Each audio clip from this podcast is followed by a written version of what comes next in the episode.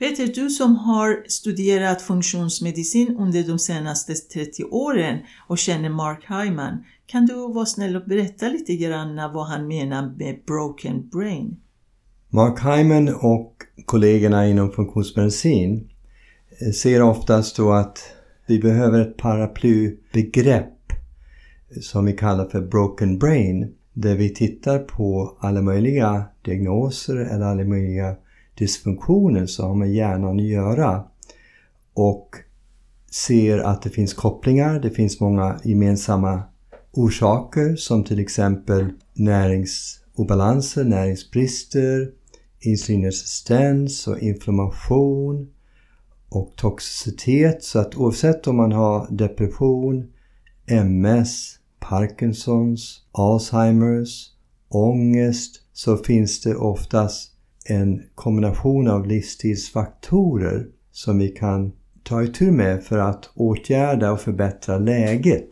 Så vi känner väl att innan man går in kanske och sätter in specifika läkemedel eller även om man tar läkemedel för en viss sjukdom så kan man förbättra hjärnan. Hjärnan är beroende av till exempel mycket fett, mycket vatten, mycket näring. Så att oavsett var svagheten finns någonstans i hjärnan eller vilken sjukdom man har så måste vi ta itu med de här grundläggande behov som hjärnan har. Och de här trasiga hjärnadiagnoser, de bygger på att hjärnan har inte de resurser som behövs för att hålla sig frisk.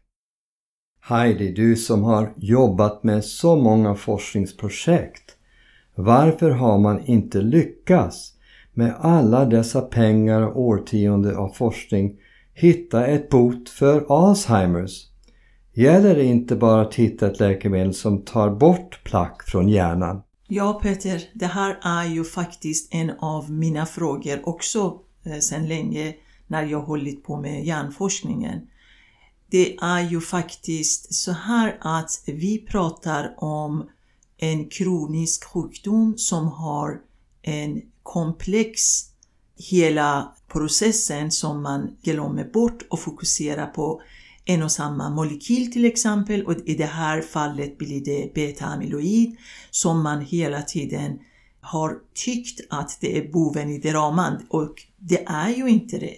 För att placken, beta-amyloidplacken är ju bara ett sätt att försvara hjärnan mot händelserna, en kedjereaktioner som händer i hjärnan. Och där kan vi inte svara en komplex fråga med ett enkelt svar utan att man måste gå ännu mer ner och titta på underliggande orsaker.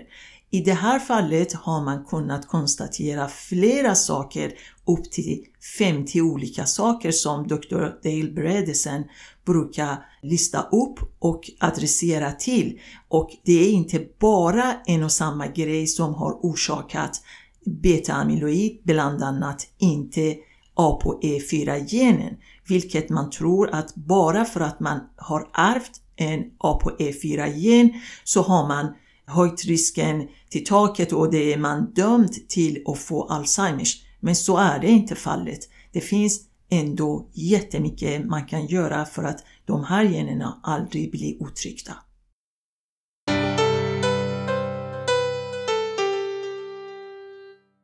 Besök gärna vår hemsida räddadinhjärnanu.se och köp boken och uppdatera din hjärnhälsa.